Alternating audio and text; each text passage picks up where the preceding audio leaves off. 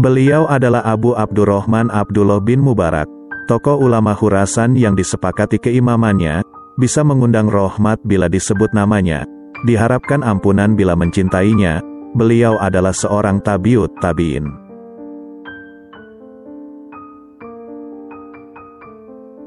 Mengenai kelahirannya, terdapat perbedaan pendapat ada yang mengatakan beliau lahir tahun 118 Hijriah, ada yang mengatakan 119 Hijriah, ada juga yang mengatakan 181 Hijriah.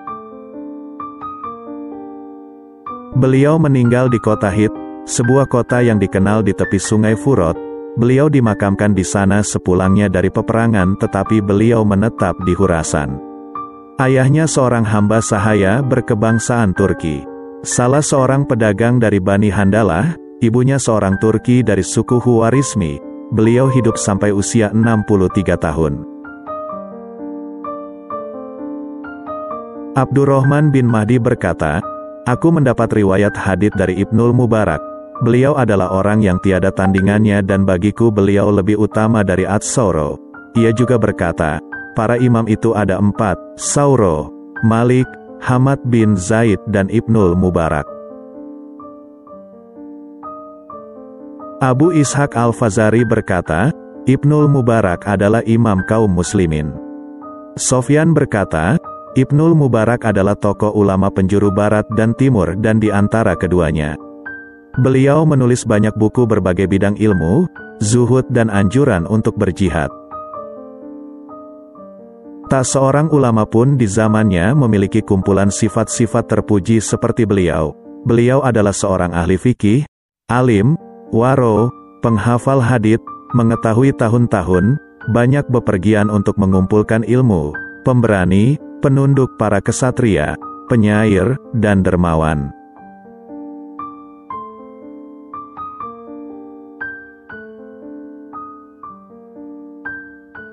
Bila beliau bepergian barang bawaan beliau harus diangkut kereta yang besar karena beratnya. Bila sampai beliau membebernya lalu berdatanganlah orang-orang yang membutuhkan untuk mengambilnya. Abu Ishaq et-Talikani berkata, Aku pernah melihat dua ekor unta yang dipenuhi oleh angkutan ayam-ayam goreng untuk perjalanan Ibnul Mubarak. Beliau memberi makan rombongannya makanan yang enak-enak sedangkan beliau siang harinya tetap berpuasa. Kalau menginginkan sesuatu beliau tidak akan makan kecuali bersama tamu, beliau mengatakan, Aku mendengar riwayat bahwa makan bersama tamu tidak ada perhitungannya kelak. Suatu kali ada orang buta berkata kepada beliau, Tolong berdoalah untukku. Beliau pun berdiri lama berdoa kepada Allah untuk orang itu, hingga Allah mengembalikan penglihatan orang itu.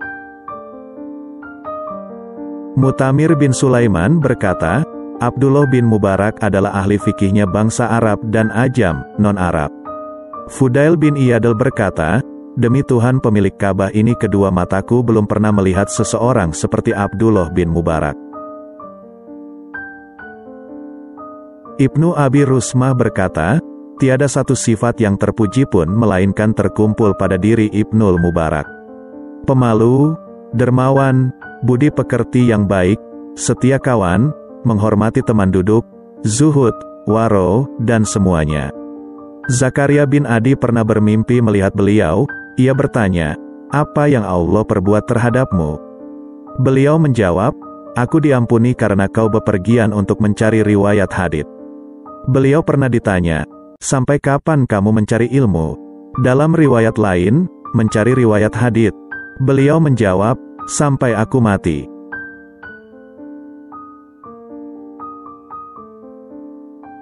Sofyan Sauro berkata, Sesungguhnya aku berjuang setahun untuk menjadi seperti Ibnul Mubarak selama tiga hari saja, aku masih belum bisa mencapainya. Syubah berkata, tidak pernah ada orang yang seperti beliau. Ulama lain berkata, Aku tidak pernah melihat seseorang yang lebih pandai dan lebih banyak mujahadah ibadahnya seperti beliau. Yahya bin Muin berkata mengenai beliau, salah seorang pemimpin umat Islam terkemuka.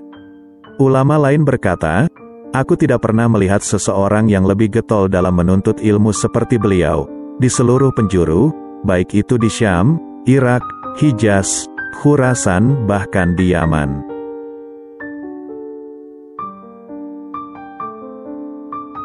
Guru-guru beliau mencapai 4.000 orang.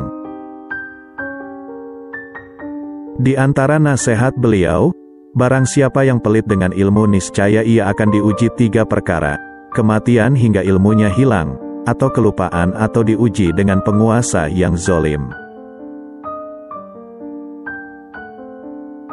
Yang pertama kali diletakkan dalam timbangan seorang mukmin kelak di hari kiamat adalah barang halal yang ia nafkahkan pada keluarganya.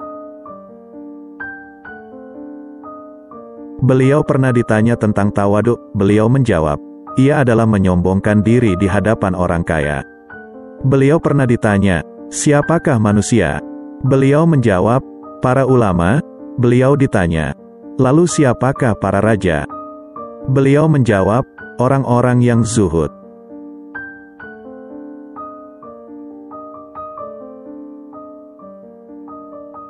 Kalau bukan karena Fudail bin Iyadal, niscaya aku tidak bakal berdagang.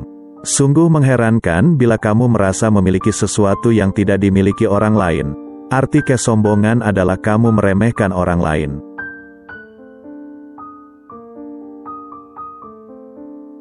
Barang siapa yang baik asal usulnya, maka baik pula kepribadiannya. Sofyan Sauro pernah memasuki pemandian uap lalu ada seorang berwajah tampan masuk menemuinya lalu beliau berkata, Keluarkanlah anak ini karena pada setiap wanita ada satu setan menyertainya sedangkan pada anak ini ada banyak setan yang menyertainya. Berapa banyak hewan tunggangan yang lebih baik dari penunggangnya, lebih taat kepada Allah dan lebih banyak berzikir kepadanya. Di antara syarat orang alim adalah tidak boleh terlintas cinta dunia dalam hatinya.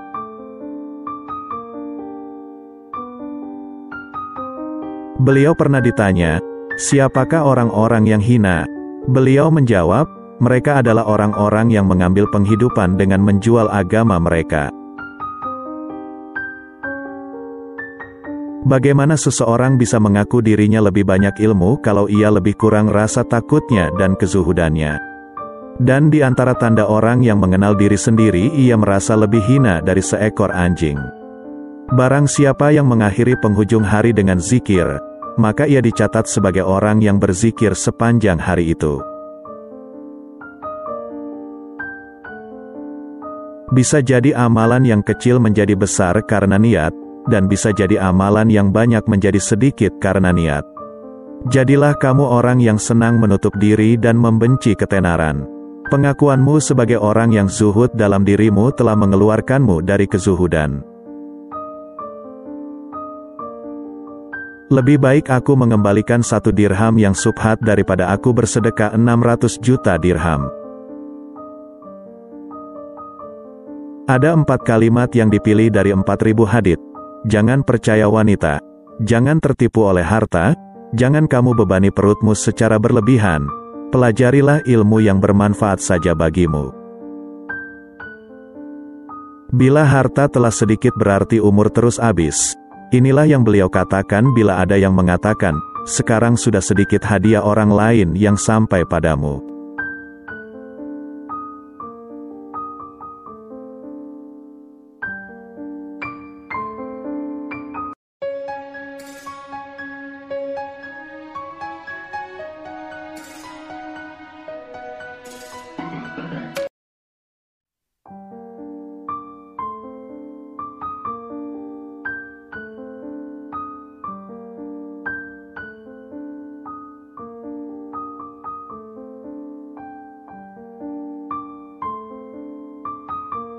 Beliau adalah Abu Abdurrahman Abdullah bin Mubarak, tokoh ulama Khurasan yang disepakati keimamannya, bisa mengundang rahmat bila disebut namanya, diharapkan ampunan bila mencintainya, beliau adalah seorang tabiut tabiin.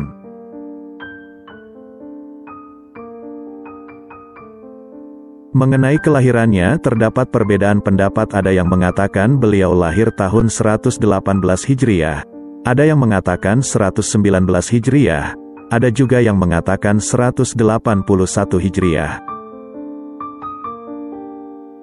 Beliau meninggal di kota Hit, sebuah kota yang dikenal di tepi sungai Furot, Beliau dimakamkan di sana sepulangnya dari peperangan tetapi beliau menetap di Hurasan. Ayahnya seorang hamba sahaya berkebangsaan Turki. Salah seorang pedagang dari Bani Handalah, ibunya seorang Turki dari suku Huwarismi, beliau hidup sampai usia 63 tahun. Abdurrahman bin Mahdi berkata, Aku mendapat riwayat hadith dari Ibnul Mubarak. Beliau adalah orang yang tiada tandingannya dan bagiku beliau lebih utama dari At-Sauro. Ia juga berkata, para imam itu ada empat, Sauro, Malik, Hamad bin Zaid dan Ibnul Mubarak. Abu Ishaq Al-Fazari berkata, Ibnul Mubarak adalah imam kaum muslimin. Sofyan berkata, Ibnul Mubarak adalah tokoh ulama penjuru barat dan timur dan di antara keduanya. Beliau menulis banyak buku berbagai bidang ilmu, zuhud dan anjuran untuk berjihad. Tak seorang ulama pun di zamannya memiliki kumpulan sifat-sifat terpuji seperti beliau. Beliau adalah seorang ahli fikih, alim, waro, penghafal hadith, mengetahui tahun-tahun, banyak bepergian untuk mengumpulkan ilmu, pemberani, penunduk para kesatria, penyair, dan dermawan.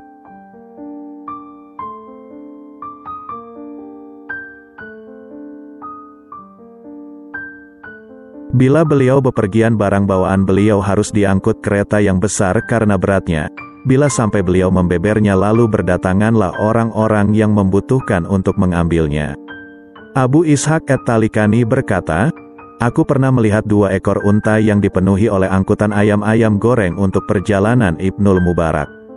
Beliau memberi makan rombongannya makanan yang enak-enak sedangkan beliau siang harinya tetap berpuasa. Kalau menginginkan sesuatu beliau tidak akan makan kecuali bersama tamu, beliau mengatakan, Aku mendengar riwayat bahwa makan bersama tamu tidak ada perhitungannya kelak. Suatu kali ada orang buta berkata kepada beliau, Tolong berdoalah untukku. Beliau pun berdiri lama berdoa kepada Allah untuk orang itu, hingga Allah mengembalikan penglihatan orang itu. Mutamir bin Sulaiman berkata, Abdullah bin Mubarak adalah ahli fikihnya bangsa Arab dan Ajam, non-Arab. Fudail bin Iyadal berkata, Demi Tuhan pemilik Ka'bah ini kedua mataku belum pernah melihat seseorang seperti Abdullah bin Mubarak. Ibnu Abi Rusmah berkata, Tiada satu sifat yang terpuji pun melainkan terkumpul pada diri Ibnul Mubarak. Pemalu, dermawan, budi pekerti yang baik, setia kawan, menghormati teman duduk, zuhud, waro, dan semuanya. Zakaria bin Adi pernah bermimpi melihat beliau, ia bertanya, apa yang Allah perbuat terhadapmu? Beliau menjawab, aku diampuni karena kau bepergian untuk mencari riwayat hadith. Beliau pernah ditanya, sampai kapan kamu mencari ilmu? Dalam riwayat lain, mencari riwayat hadith. Beliau menjawab, sampai aku mati.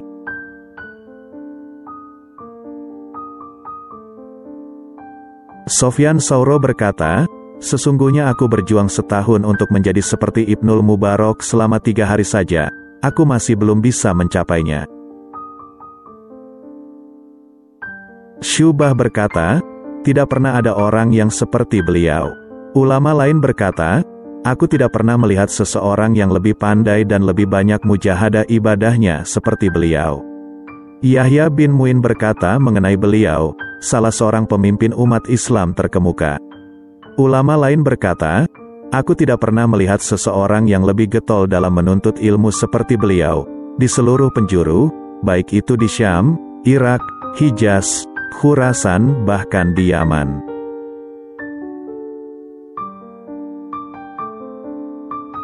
Guru-guru beliau mencapai 4.000 orang. Di antara nasihat beliau, barang siapa yang pelit dengan ilmu niscaya ia akan diuji tiga perkara, kematian hingga ilmunya hilang, atau kelupaan atau diuji dengan penguasa yang zolim. Yang pertama kali diletakkan dalam timbangan seorang mukmin kelak di hari kiamat adalah barang halal yang ia nafkahkan pada keluarganya. Beliau pernah ditanya tentang tawaduk, beliau menjawab, ia adalah menyombongkan diri di hadapan orang kaya. Beliau pernah ditanya, siapakah manusia? Beliau menjawab, para ulama, beliau ditanya, lalu siapakah para raja? Beliau menjawab, orang-orang yang zuhud.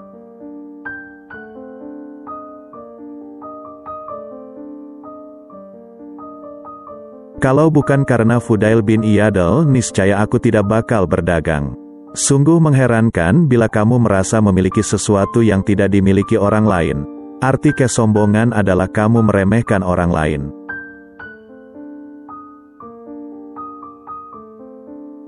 Barang siapa yang baik asal-usulnya, maka baik pula kepribadiannya. Sofyan Sauro pernah memasuki pemandian uap lalu ada seorang berwajah tampan masuk menemuinya lalu beliau berkata, Keluarkanlah anak ini karena pada setiap wanita ada satu setan menyertainya sedangkan pada anak ini ada banyak setan yang menyertainya. Berapa banyak hewan tunggangan yang lebih baik dari penunggangnya, lebih taat kepada Allah dan lebih banyak berzikir kepadanya. Di antara syarat orang alim adalah tidak boleh terlintas cinta dunia dalam hatinya.